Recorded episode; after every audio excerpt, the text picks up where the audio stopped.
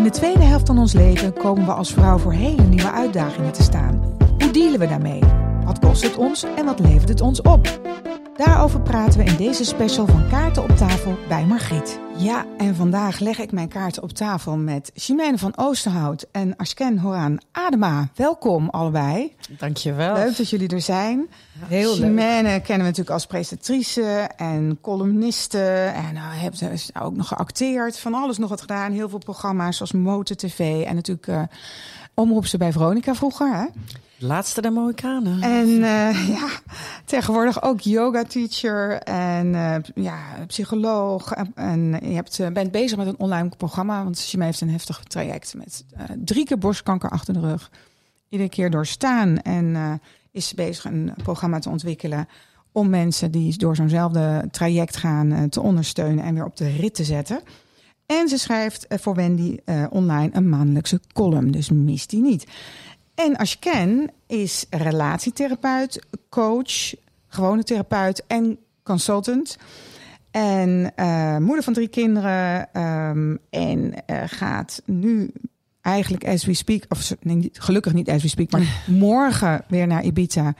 Waar zij een tweede huis heeft en waar zij hele interessante retreats organiseert. En dat gaat ze ook nog met kerst doen. Dus er komt een hele leuke kerstretreat op Ibiza omdat heel veel mensen natuurlijk toch juist met kerst een beetje met hun ziel onder een arm uh, lopen. Afhankelijk van wat je thuissituatie is natuurlijk. En nou, dan lijkt me heerlijk om dan naar zo'n uh, kerstretreat te gaan. Dus uh, wil je daar meer informatie over? Check dan even www.ashkane. En dat schrijf je A-S-H-K-A-I-N-E.com. Welkom dames, fijn Dank dat jullie er zijn. Dank je wel. De kaarten zijn geschud en het thema van vandaag is empty nest. Het empty nest syndroom, dat is eigenlijk uh, het gegeven dat je kinderen, waar je al die jaren met zorg en liefde voor gewerkt hebt, het nest verlaten. En dan, en heel veel vrouwen donderen dan toch, met name vrouwen, hè, meer dan mannen, donderen toch in een soort gat. Zeker in Nederland um, gaan de meeste vrouwen als ze kinderen krijgen, ofwel ze stoppen met werken of ze gaan parttime werken. Mannen werken vaak fulltime door. Als je dat als vrouw doet, dan wordt er tegen je gezegd: uh, waarom heb je eigenlijk kinderen genomen als je niet zelf voor ze wil zorgen? Dus het is toch wel lastig. Ja, ja. En zelfs als ze fulltime doorwerken, dan merk je toch dat de um, workload van het hele gezinsmanager toch voor nou, 80, misschien wel 90 procent op de schouders van de vrouw terechtkomt. Dat die meestal dat hele gezin managen. En die kinderen uh, grotendeels uh, alles rondom de kinderen regelen. En dat is dan heel zwaar, maar als ze dan ineens weg zijn, dan is het ook ineens weer heel leeg. En nou, Chimène, jij hebt één zoon uh, die eigenlijk net het huis uit is, Liam. Ja, precies een jaar nu. Dus ik heb hem vorig jaar geholpen met de verhuizing en uh, alles droog gehouden. en ik dacht, oké, okay, hij gaat het huis nu echt uit. En uh, ja, dat, dat was best wel stevig. Maar ik had natuurlijk vorig jaar ook een stevig jaar achter de rug qua verlies van papa en verzorging. Papa en mijn eigen verzorging.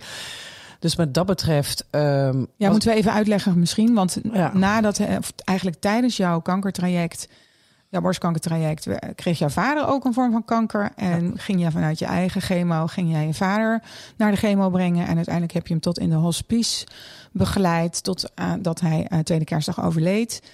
En binnen een half jaar is er nu ook je moeder overleden.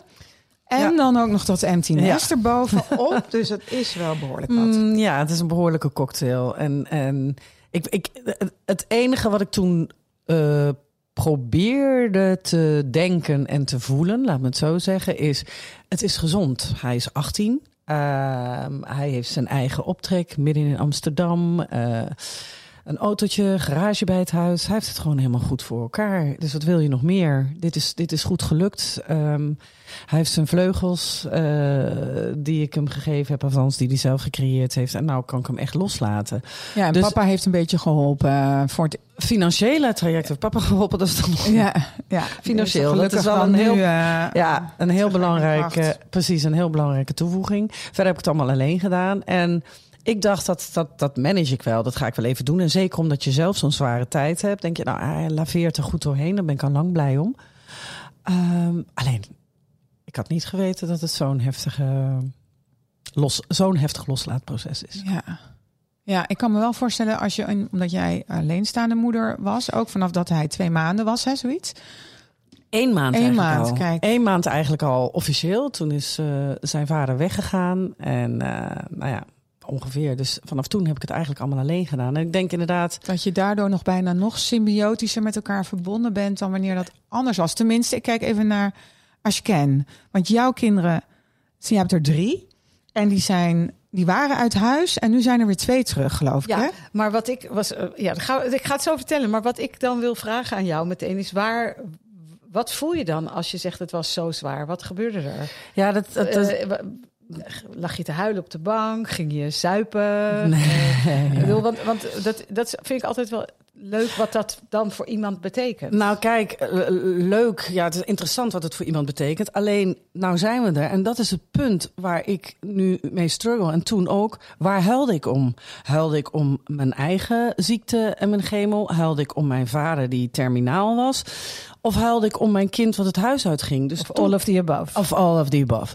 En, Zo, een mixture van eh, Ja. emoties natuurlijk, die je dan moeilijk van elkaar kan onderscheiden. onderscheiden. Dus dat is, dat is heel moeilijk geweest. Alleen nu, nu ik al een jaar later, nu begint het. Nu zie je van ja, ik, ik, ik zou mijn, mijn, mijn, mijn jongetje, die twee meter is bijna, wel, wel weer vast willen houden. Hij komt eh, zondagavond trouwens terug, want hij zat bij zijn vader drie maanden. Maar wat het met me deed is, kijk, ik, ik kon niet gaan drinken, want ik zat aan de chemo. Dus ik zou even klappen, dan heb je echt geen zin om te drinken. Het huilen op de bank, dat was wel een van de dingen. Dat, was, dat werd meer zeppen op de bank, dat je gewoon echt een soort apathisch. Er kwam dan op het moment dat ik niet hoefde te zorgen voor mezelf, voor mijn vader en de verhuizing van mijn kind was al voorbij. Ja, er kwam een soort apathie. En ehm, door alles komt het, het gevoel, als ik het zeg, voor zover je eh, eenzaamheid of, of, of het loslaten eh, kan voelen of kan, kan omschrijven. Eh, een, een, een soort grijze sluier kwam er overheen. Dus alles, de glans van het leven, ging gewoon weg. Maar ik ging wel door, hè, want ik ben ook een doener. Dus, dus ik denk, ja, nou door. Hup, je kan het. Doe het, doe het. Maar de dingen die ik deed, hoe leuk ze ook waren, waren altijd een soort van, ja, daar loop ik dan alleen. En ik weet ook niet, want die had ik ook willen bespreken of mee willen nemen. Daar zat ik ook over te denken in aanloop naar deze podcast. Hoe zou het zijn als je in een relatie zit, als je getrouwd bent, als je nog vader en moeder bij elkaar bent? En dan ga je dus allemaal leuke dingen doen en fijne dingen doen, maar dan ben je wel samen. Ja, dat schijnt ook nog wisselend te zijn. Hè? Want er zijn dus ook relaties die elkaar dan enorm tegenkomen. Want dan zijn die kinderen weg en dan gaan ze op een gegeven moment met pensioen en dan zitten ze ineens met elkaar opgescheept. En dan denken ze, fuck, eh, eh, ik ben niet gewend om jou de hele dag om me heen te hebben. Ik heb eigenlijk helemaal niet zoveel zin in of zo. Of dan moet ik nou allemaal tijd met jou gaan doorbrengen. En heel veel scheidingen komen er dan ook van de Maar kinderen. andersom is het ook wel zo dat het ook inderdaad wel zo is dat eh, veel mensen dan hun relatie toch een nieuw leven inblazen. Omdat ze ineens tijd over hebben om eindelijk dat boottochtje te gaan maken. Ik wijs even naar achter mij, want wij hebben net een bootje gekocht. Mijn kinderen zijn nog niet de deur uit. Maar ehm, dat je die, die tijd weer voor elkaar hebt. Je hou- houdt een beetje tijd over. Maar dan ga ik toch naar jou als je kent, want in het voorgesprek zei, hield ik die tegen jou aan. En toen zei jij, nou, tijd overhouden. Ik vind het eigenlijk nu veel gecompliceerder om alles te plannen. Nu ze de deur uit zijn. Misschien kun je dat toelichten. Nou, ik heb er zeg maar eh, weer, weer twee thuis. Want eh, de een studeert in Delft en die vond Delft stom. En de ander die studeerde in Schoonhoven en die vond Schoonhoven echt heel stom. Dus, en het hielp ook niet dat opeens alle ehm, universiteiten en alles ging online. Dus, dus ja, dan, ja, dat is natuurlijk ook Ja. nog met corona. dus dus ja. eh, mijn zoon zat in Schoonhoven in op zich een hele leuke plek. Maar die plek was wel met het idee dat hij ehm 14 uur per dag op school zou zijn. Zo'n beetje fame-gevoel van je kan daar tot heel laat doorwerken. En het idee van dat je bijna niet in je kamer bent. En toen was opeens. eh, eh, ja, dat Ja, thuis. Dus, nou, lockdowns. Ja. Ehm, nou, wat ik best lastig vind van deze leeftijd, dat, dat eh, toen ze jong waren, was het gewoon heel duidelijk wanneer er beroep op mij werd gedaan. Namelijk afhankelijk van waar ik zin in had, vanaf drie uur s middags tot tien uur s avonds, ik zeg maar wat. En, ehm, En dat plande je dan en dat gewoon. kon ik gewoon ja. heel strak plannen. Terwijl nu valt mij op dat, dat er dus gewoon altijd, als ik net dat hele leuke feestje heb, of een hele leuke podcast, of een heel leuke televisieopname, of gewoon een hele leuke lunch met iemand, dan is er iets met de kinderen. En ik laat ze altijd, ja, dat is niet omdat ik zo'n geweldig mens ben, maar gewoon vanuit mijn buik staan ze op nummer één. Dus ik laat alles vallen. En het, wat ik wel echt mee worstel, is niet zozeer het empty nest, als wel tot waar wordt er van je verwacht als moeder om ehm, eh, dingen op te geven hoe, voor de kinderen. Uh, omdat je dat ook zo voelt. Niet omdat je verplicht bent, maar. Uh, ja, die balans te zoeken daarin is lastig. Maar daarom vind ik het interessant dat jij een woord gebruikt verwacht.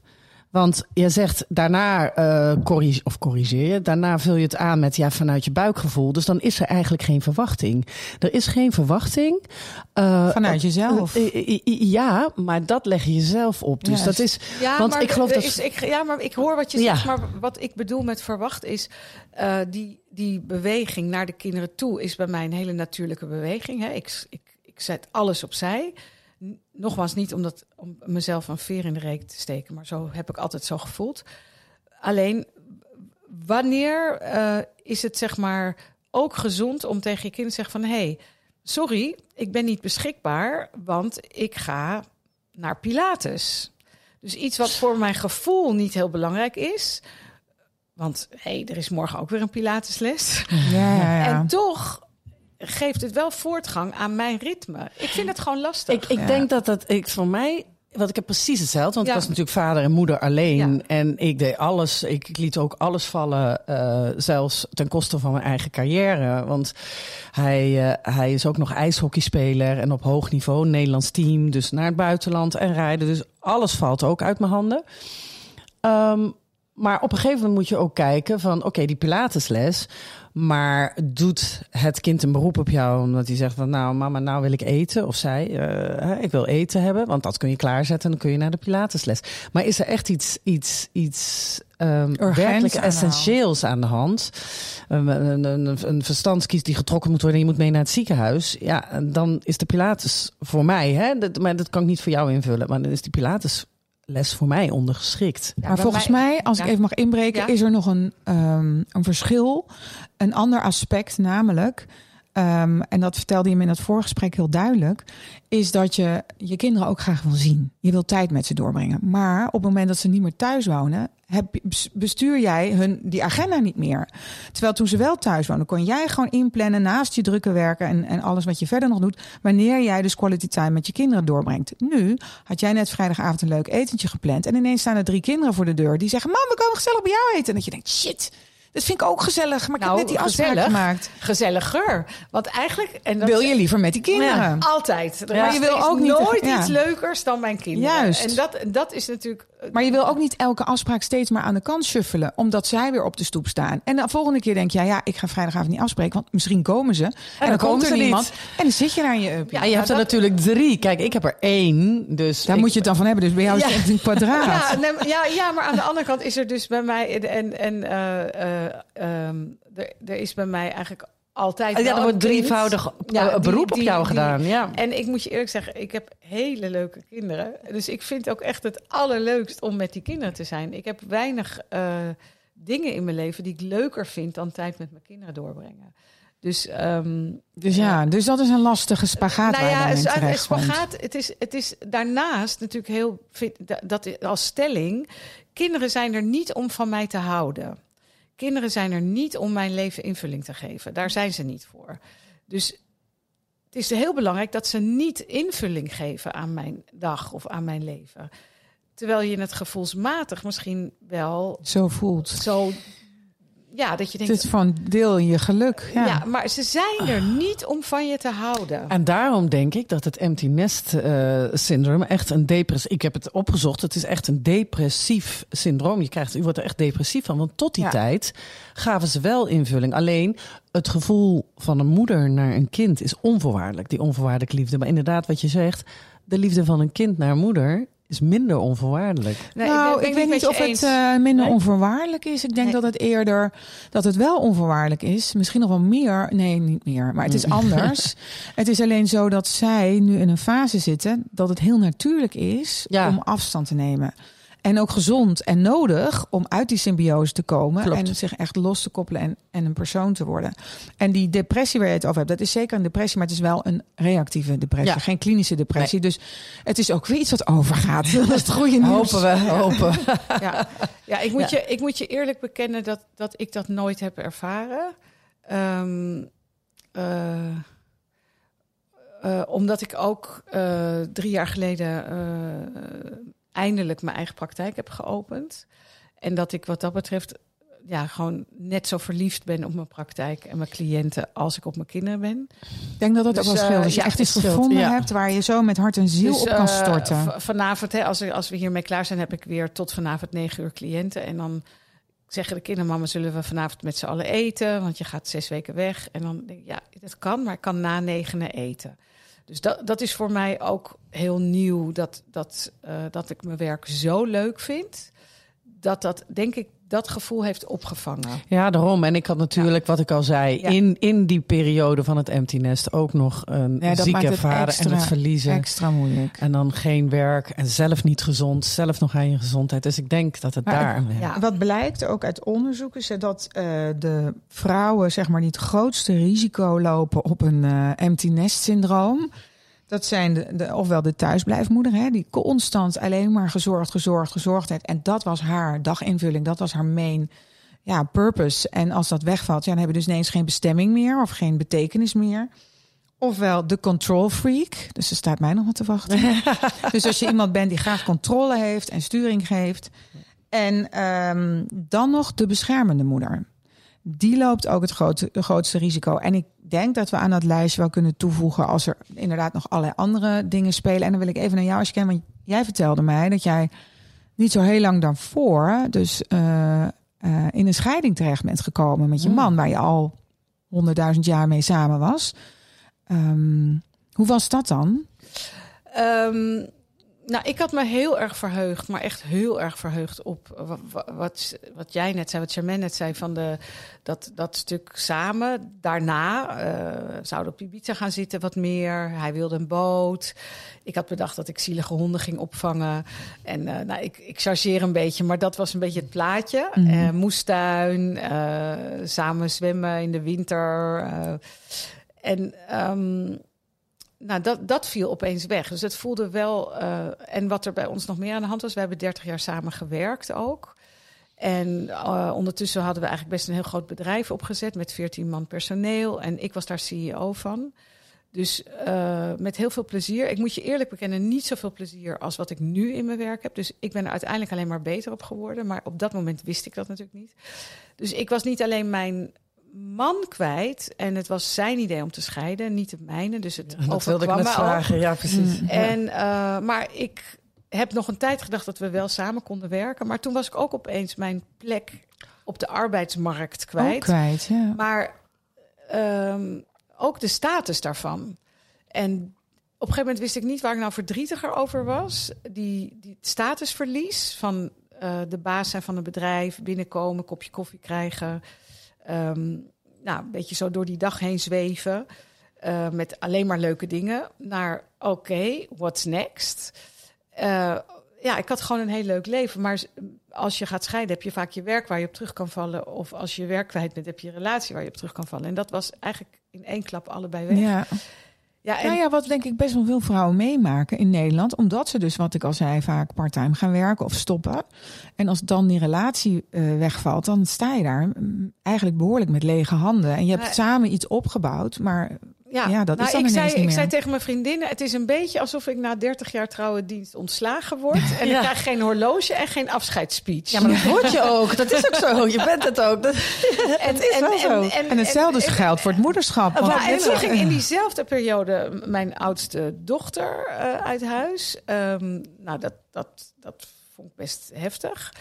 En ehm, nou ja, dat is voor sommige mensen begrijpelijk. Voor andere mensen die lachen we erom uit. Mijn, mijn, mijn, mijn hond, mijn maatje, mijn alles werd doodgereden op de hoek van de weg. Oh, verschrikkelijk. En ik had, heb gebroken met mijn moeder.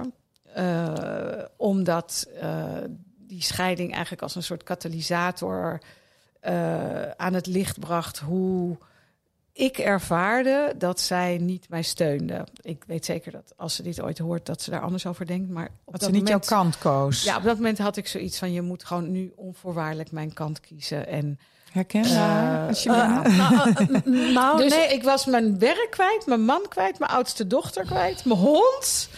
Nou, en mijn moeder. Nou, en nou, nou dus Nou, ik, ik ja, I, I know, know. how. Ja. Ja. Maar jij vraagt herkenbaar, Simene. Eh, dat was mijn volgende vraag. Ehm, jij zegt, ik ben mijn moeder kwijt, ik heb haar gebroken. Ze moet onvoorwaardelijk mijn kant kiezen. Of moet, dan bijna dwingend. Maar ik had verwacht, dat is dan een verwachting. Ehm, maar wat gebeurt er aan de andere kant? Kijk, wij hoorden nou jouw verhaal. Hè? Ik heb altijd zo, er zijn twee verhalen. Ehm, als de moeder de kant kiest van jouw ex-partner, wat is daar gebeurd? Hè? Waarom kiest ze die? Want ik ken dit verhaal, is bij mij ook gebeurd. Alleen, ehm, ja, hoe, hoe zou ik het zeggen? Zeg Eh, het gewoon. Ja, Ik heb geen lange tenen. nee, niet, ga, Oh. niet voor jou. Het gaat erom dat, eh, ik weet niet wie dit allemaal Ja. gaat beluisteren. Dus Nou, dat soort dingen. Dus mensen. waar het om gaat, laat me, het, laat me het in het algemeen zeggen. Dat de kant van jouw ex-partner, van wat is daar gebeurd, waardoor jij vindt dat jouw moeder onvoorwaardelijk jouw kant moet kiezen. Ik, ik zeg iets, eh, ik, ik chargeer. Stel, hij heeft iemand eh, eh, echt, echt, weet ik veel, wat is erg, iemand vermoord, een heel verhaal. Ja, Dan begrijp je gruwelijk bedrogen. Of Bedrogen, ja. nee, dat dat, was allemaal niet aan de hand. Ja, nee, geld gestolen. Nee, nee, nee, nee. Was allemaal, nee. Wat dat betreft hebben wij zeg maar een hele, nou, zo, zo bijzonder als onze huwelijk is geweest, zo eh, saai was onze scheiding. Ik bedoel, het was gewoon helemaal standaard volgens de verwachtingen ABC'tje. Vul hem zelf in.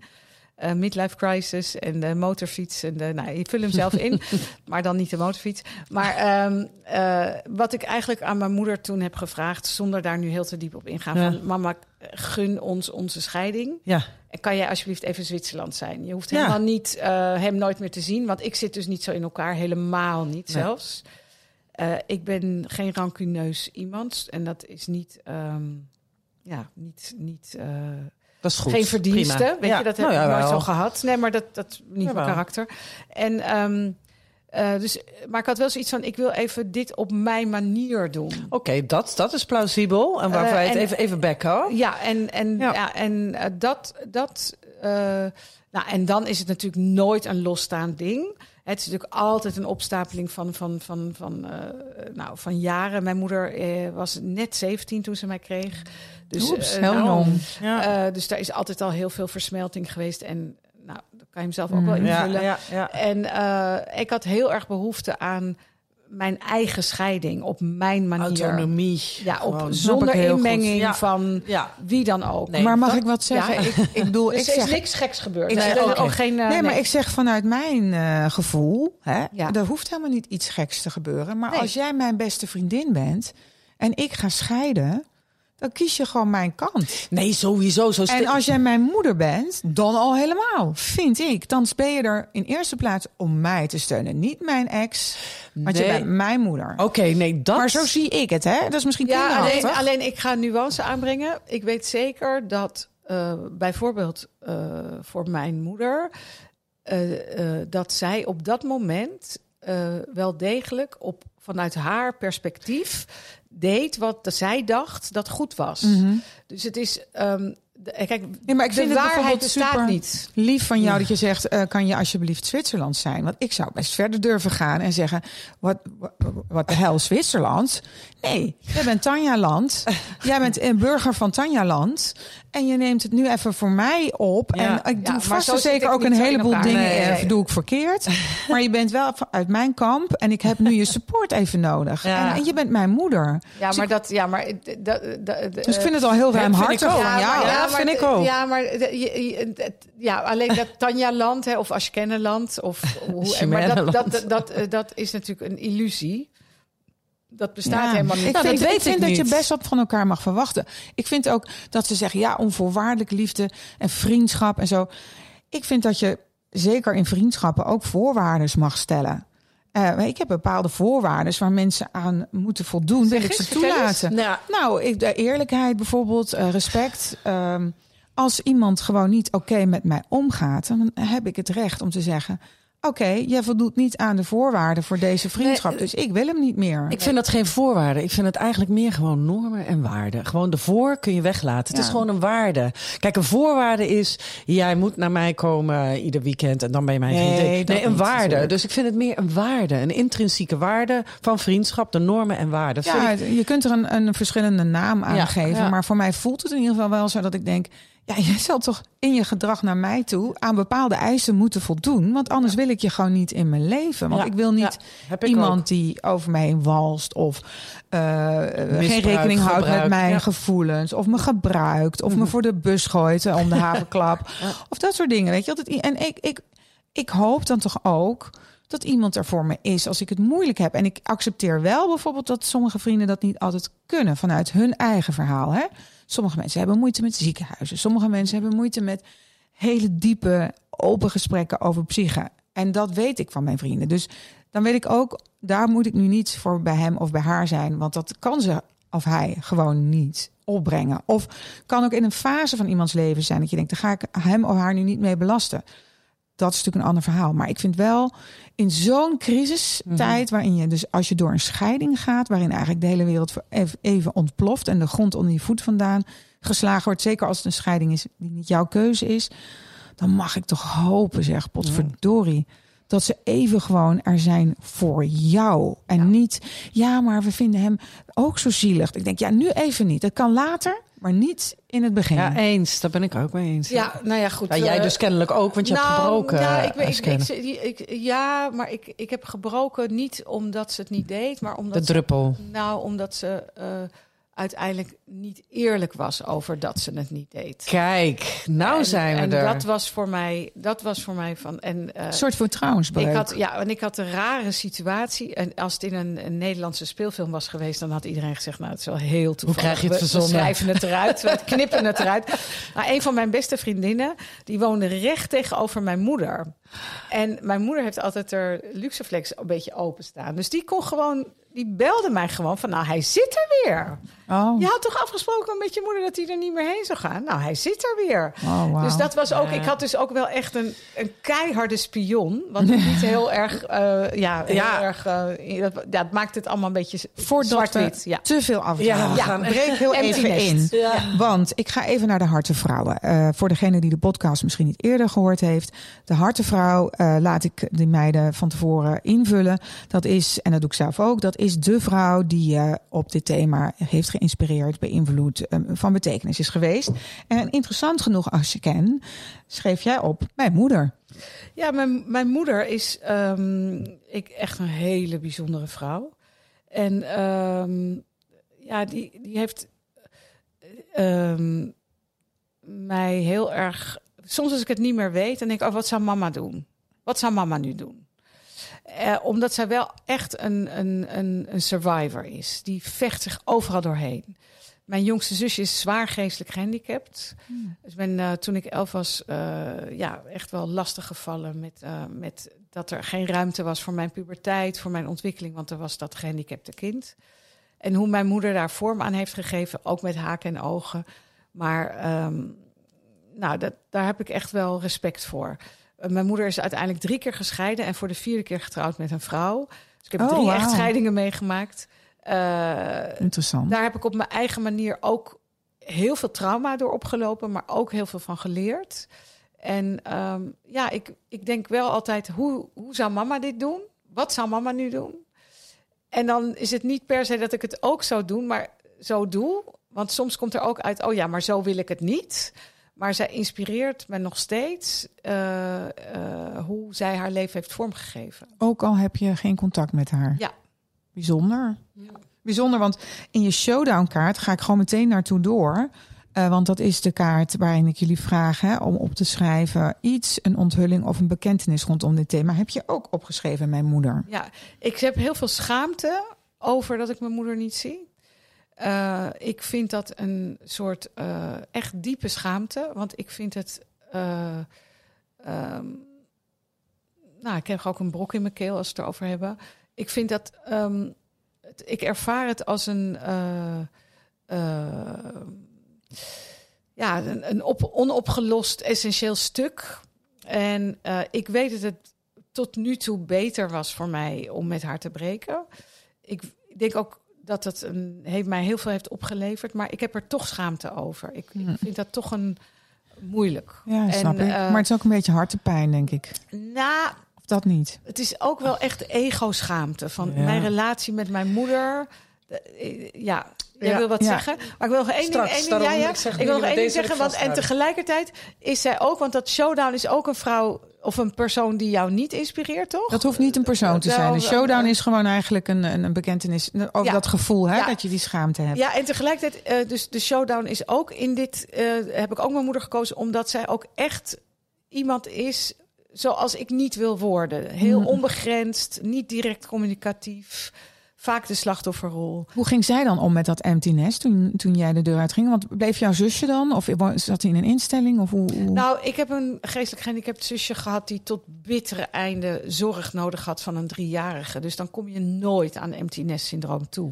die is altijd thuis gebleven, niet naar een instelling nou, heel erg lang, ja, maar heel laat. Ja, ja, ja, en, en het, het- let's not go there. Maar eh, eh, Dus ja, eh, jouw moeder had geen empty nest, zullen we maar zeggen.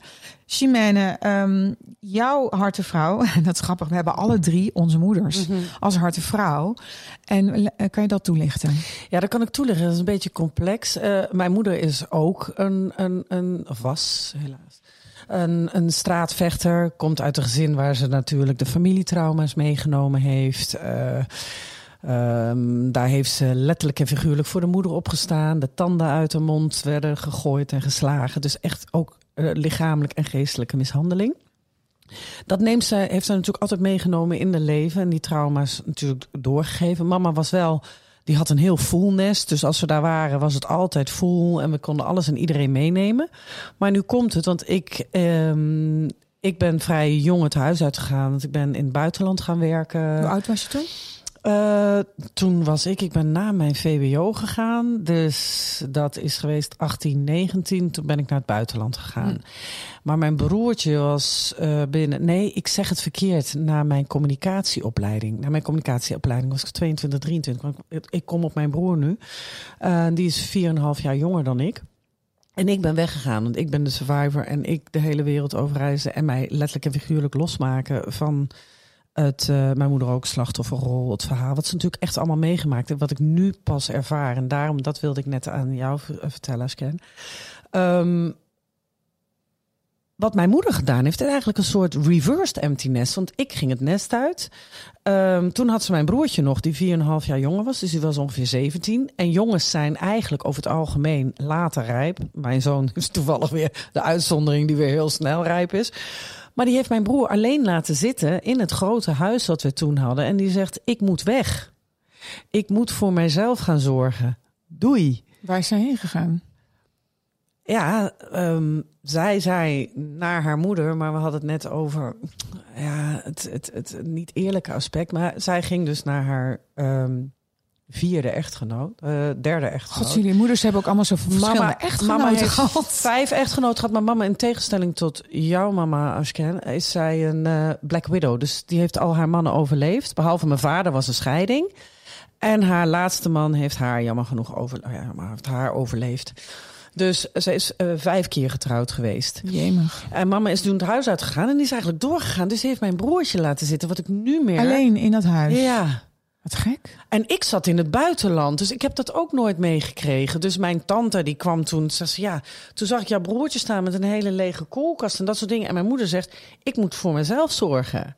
Dus het was het reversed empty nest, want precies wat jij zegt, ik zou dat nooit kunnen. Wie of wat of wat er ook was. hè? Ja. Heb je dat nu kunnen eh, achter, achteraf een, eh, kunnen invullen? Nee, en nou komen we er. En die wil ik ook echt. Ik kijk jou, ik kijk als nou voor de luisteraars echt in de ogen. Ik heb hetzelfde. Ik had ook gebroken met mijn moeder om de reden dat ze niet eerlijk is geweest is. Omdat ze informatie achtergehouden heeft die heel pijnlijk was.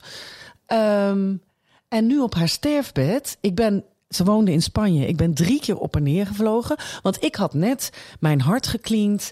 Uh, ik was uh, mijn vader dus nogmaals verloren. Uh, mezelf dacht ik, oké, en ik ga nu er tegenin. Ik ga nu het leven anders aanpakken. Ik heb een huis voor mezelf gehaald. Ik ga de dingen regelen. Ik ga naar mama toe. Ik zeg tegen mijn zoon, die zat in het buitenland. Ik zei, wat we ook gaan doen. We gaan naar Omi toe. Dan gaan we naar Spanje. Gaan we samen kitesurfen. Maar we gaan eerst Omi opzoeken. En dan doen we dat. Dus dat gaan we doen. Want ik had wel telefonisch inmiddels contact met haar. In verband met mijn ziekte en mijn vaders overlijden. Nou, dat is dus gebeurd. Maar mijn zoon is gekomen op 11 juli. Om 12 juli is mijn moeder overleden. Maar ik heb mijn moeder dus gezien in die maanden. Omdat ik geen contact meer met haar kreeg. Vier dagen. Maar jij wil eigenlijk zeggen. Want ik ja, probeer dit ja, een beetje af te ronden. Want we dwalen enorm ja. van het onderwerp. Maar jij wil eigenlijk zeggen. Ga met je moeder praten. Juist. Dat is wat ik zeg. Ik heb zo'n pijn in mijn hart nu. En dat is niet alleen de rouw. Maar dat is ook wat ik nog allemaal had willen bespreken in, met de mantel der liefde bedekken. En die doet nog het meeste pijn. Ik weet niet hoe oud jouw moeder is. Maar doe het alleen al voor jezelf. Dat je zegt: Oké, dit is niet mijn aanpak geweest. Dit is wat Tanja net zegt. Dit zijn niet de normen en waarden die ik hanteer. Ik, ik vergeef het jou, uh, de manier waarop jij in het leven staat. Het heeft wel een wissel getrokken, maar dit doen we niet. Dat helpt jou straks een heel stuk meer. Want ik zit ermee, mijn moeder kreeg ik een knik, Ik knik, ik knik, dat je niet zien. Ze maar lieverds, lieverds, lieverds. jullie moeten echt gaan daten met elkaar. Ja. En heel lang hierover door gaan praten. Gaan we nee, doen. Ik heb wel mijn moeder al vergeven. En ik hou ook van haar. En ik, nogmaals, ze inspireert me dagelijks. En... Uh, nou ja, ik, ik hoop ook echt dat. Uh, is nog een weg te gaan. Nou, ik hoop eigenlijk is het een heel kort weggetje. Ja. ja. Maar goed, het, het, het maar lang verhaal kort. Ik, nest, ja. Ik kon het makkelijk um, loslaten. Ik, ik vond dat ik het. Ik zou willen dat ik het zo makkelijk had kunnen ja. loslaten. Nou, ik had mijn moeder dus ook als harte vrouw. Ja. En ik had mijn moeder omdat zij mij altijd het gevoel had gegeven dat het oké okay was. Ik heb helemaal nooit gemerkt aan haar dat het heel heftig vond uh, dat ik uit huis ging. En ze heeft me later verteld, omdat zij zelf een moeder had die heel erg klemerig was en ze enig kind was. Dus ook dat alles allemaal van haar afhing. Dat zij zich had voorgenomen, dat ga ik met mijn kinderen niet doen. Die moeten echt uit kunnen vliegen en hun vleugels uit kunnen slaan. Dus ze gaan niet aan mij merken dat ik het erg vind dat ze weggaan. En dat is gelukt. Uh, dus dat vind ik heel knap. Ik weet niet of ik het zou kunnen. Ja, ik doe dat dus ook bij mijn zoon. Het is ook enig kind. Dus hij mag absoluut niet werken dat ik het... Uh dat ik het moeilijk Je hebt het ook niet gezegd. We hebben het niet gemerkt. Nee, Hij maar, luistert hier ook Maar jouw showdown kaart, als je daar staat... ik word er somberder van dan ik altijd gedacht heb. Het voelt als een amputatie... Terwijl ik gedacht had dat het een bevrijding zou zijn. Ja, en die amputatie die is ook, nou, uh, omdat ik hem dus 18 jaar helemaal alleen opgevoed heb. En nu, zijn vader woont in het buitenland. Dus ik ben hem dan zo drie maanden kwijt. Want dan gaat hij naar zijn vader in het buitenland. Dus dat is een enorme amputatie. Maar nogmaals, dat is niet um, zijn amputatie, dat is mijn amputatie. En ik had gedacht, omdat ik het heel zwaar vond, een kind alleen opvoeden. Wat ik, hadden jullie je op een of andere manier voorbereid op dat empty nest? Nee. Had je erover nagedacht? Had je maatregelen nee. genomen of wat dan ook? Nee, ik zeg een nee. Het is gewoon, uh, eigenlijk uh, ben je overvallen door al die emoties die dat met zich meebracht. Organisch, kijk, want ik ben dus niet, niet, niet die control. Ik, ik, ik probeer heel erg in het nu te leven. Dus als je in het nu leeft, is er geen morgen. Ja, en, en maar dat, ja, er is natuurlijk wel een morgen. Ja, en die, die morgen, die nu, nu, nu zo als een amputatie voelt, dat is nu mijn vandaag. En die zal ik uh, vandaag. Um, want ik luister je met aandacht naar, ja. want ik heb op mijn showdownkaart geschreven: ik ben bang voor het empty nest. Ik heb best wel verlatingsangst in het algemeen. En ik, uh, toen ik kinderen kreeg, toen kwam er een soort rust over me, omdat ik dacht: nou ben ik nooit meer alleen. Maar ik heb natuurlijk helemaal niet over nagedacht dat die op een gegeven moment weer gaan uitvliegen en een eigen leven uh, gaan leiden. En, en uh, nu uh, komt dat moment, ik zie dat bij mijn vriendinnen, weet je, komt dat moment dichterbij. En denk ik wel, oh jeetje, joh. Hoe, uh, hoe gaat dat wezen? Vind ik, ik ook wel iets spannend. heel confronterend zeggen. Ja. En jij bent de host, dus dat is best Ja, doe maar. Ja, jullie zijn oh, maar, therapeuten, dus ik zie jullie echt, ook de hele tijd ja, in de beroepsdeformatie ja, schieten. Nee, nee, maar kijk, het concept, probeer daar heel erg doorheen te breken. Het concept, ik ben nooit meer alleen, is natuurlijk eigenlijk een hele... Ja, het is het is een narcistische gedachte. Ja. Nou, ik weet dat allemaal. Het is een onthulling, hè? Het is een bier. Dus ik ben het gewoon heel eerlijk. Ja, het is niet dat ik dat niet weet. En het is ook niet dat ik weet dat dat een dingetje is waar ik aan moet werken. En waar ik ook al heel lang aan werk. Maar het is wel eh, wat ik voel, als ik heel eerlijk ben. Het zit gewoon, en dat, dat blijft een struggle voor mij. Ja, want jij noemde net in het begin die punten. En jij hebt, je hebt er heel veel. Want jij bent een control freak. een. Jij bent een beschermer. We spreken voor onszelf hier. Hou je mond. Nee, nee, maar ze... Ja, maar ho, ho, ho, ho, ho, ho, ho, ho ho, ho, ho. Zo willen beschermend ben ik nou ook weer niet. Want ik heb met, met, dat verraste mezelf toen ik moeder werd. Want ik dacht dat ik zo'n uberbeschermende moeder zou worden. Weet je wel, die op het schoolplein niet Ja. erop klimmen. Nee, straks ga je eraf. En dat ben ze helemaal niet. Oh, ik zo. kreeg echt op mijn kop van Charlie wel eens. Het zegt, leg het let eens wat beter op, straks donder ze eraf. En ik dacht, eh, nou, ik had er wel een beetje klimmen. En eh, ja, jezus, valt er niet overal vanaf. Oké. Dus dat valt mee. Dus dat heb ik wel een zo. beetje van mijn moeder overgenomen. Oké, goed zo. Maar ik heb wel eh, tips gelezen en ik ben benieuwd wat jullie daarvan vinden. Oh, graag. Van wat, wat kan je nou doen om je dus wel voor te bereiden op zo'n empty nest en voorkomen dat je dan echt in zo'n diep donker duister gat valt. En er stond er, nou ja, van die dooddoeners, veel met vrienden op pad. Ja, maar dat, dat- inderdaad, die doen we al. Nou, dat Check. doe je dus. Geslaagd. Check, check, check. Want dat, daar ben ik wel... Heel je relatie, een nieuw leven inblazen. Maar ja, die moet je eerst een relatie hebben. Maar ik heb toevallig ook een podcast opgenomen over eh, daten na je vijftigste. En dat schijnt toch ook nog wel, ja, ik weet jouw verhalen natuurlijk. Maar afhankelijk van waar je naar op zoek bent. Als je niet op zoek bent naar een partner, maar gewoon een beetje gezelligheid, schijnt het erg leuk te kunnen Ja. zijn. En eh, een huisdier. Heb ik ook al twee. En Ja, maar paar. die zitten grotendeels bij je zoon. Nou, die zijn ook nog, ook nog een empty Dus die nest. moet je eigenlijk weer terughalen. zondag krijg ik ze terug. Jee. En Liam, als je luistert, ga mee. Ze blijven bij mama. Ja, dat is natuurlijk allemaal. De, al deze tips is natuurlijk een pleister op de wonden. Ja. Waar het over gaat, is natuurlijk dat je altijd en tegelijkertijd nooit alleen bent. Nee. En dat de hele afdekking van de ja, universele eenzaamheid die we ervaren, of de Mhm. existentiële eenzaamheid, dat dat, dat het echt gevaarlijk is dat we dat afdekken met onze kinderen. Juist. Dus het hele empty nest is juist eh, time to get Ja. to work. Ja. Als je dat echt, eh, sorry dat ik dat tegen jou zeg, maar als je dat als het over amputatie hebt, dan denk ik, wow, dat vind ik best heftig voor Nou, dat- zoon ook om te horen. Ja, maar die luistert niet naar deze Nee, die luistert niet. Nee, maar even, even Nee, de knuppel in het hoenderhok. In feite ben je alleen, blijf je alleen en zijn je kinderen niet van jou. Zijn Nee, niet een maar, verlengde maar daarom voegde ik toe aan die opmerking Ja. daarachter. Het is niet zijn amputatie, het is mijn amputatie. Maar ik had hem ook nooit zo ervaren. En ik doe veel, want ik heb hele... Ik ben echt een, een rijkdom aan liefde, aan vriendinnen. Ik, iedere avond eh, kan ik iets anders doen, doe ik iets anders. Alleen dat gevoel... Nou, weet je, Dat- dat doe je nog- zelf. Er is nog iets anders eh, dan de existentiële eenzaamheid voelen. En die willen bedekken met de liefde van je kinderen. Ja, of je, of Dat je vrienden, of je huisdier. Of je vrienden of je huisje, whatever. Hè? De camouflage, de dat is pleister. Het is een rotlijstje. Dat is één ding. Een ander ding vind ik wel... ehm, dat als je van iemand heel veel houdt... dan wil je diegene graag zien. En als je die dan ineens Nee, minder nee, dat vaak ziet... onzin. dan mis je die. Nee, ik ben het echt niet met je eens. Als je echt van iemand houdt, dan wil je dat diegene lekker zijn ding doet. Ja, ook. Ja, maar je ook. wil elkaar toch ook zien? Maar je, hoeveel... wil, je ja, mist diegene als hij er niet is, toch? Ja, ik voel het anders. Hoe voel echt? jij? Hoe voel Nou, jij? Dat, ik- ja, dat zou ik wel eens willen weten. Hoe voel jij toen jouw kinderen... Maar jij had er altijd wel eentje in huis, of niet? Of toen jij helemaal alleen was en toen je man wegging.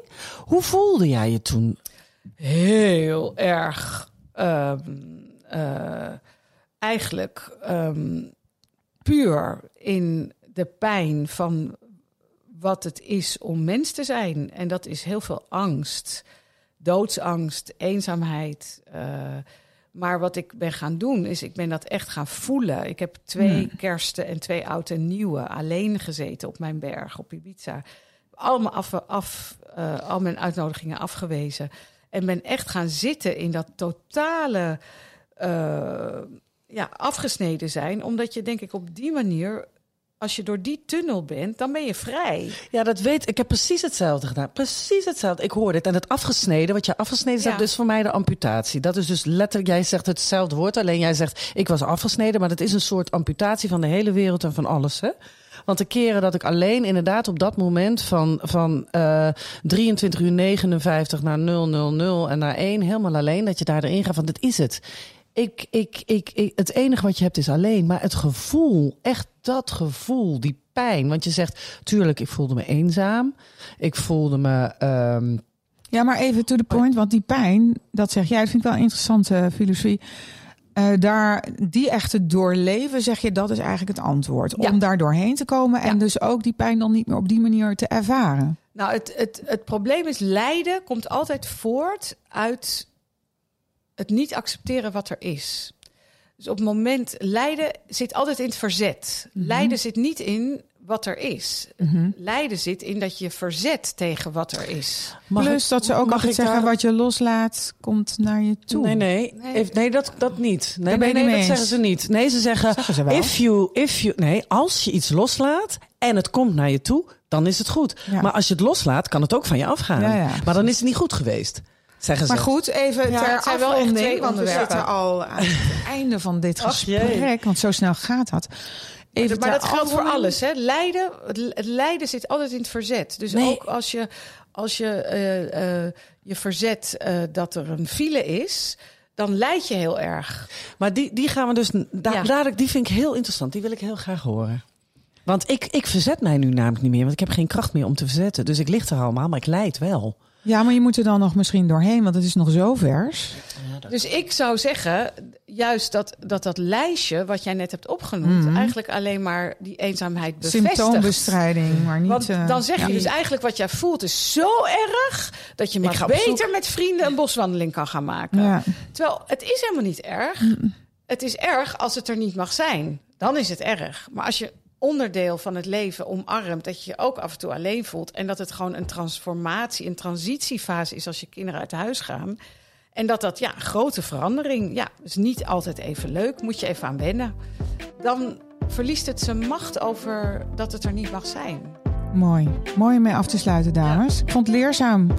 Ik ook, dankjewel. Ik ga nu al mee aan de slag. Goed zo. Dankjewel.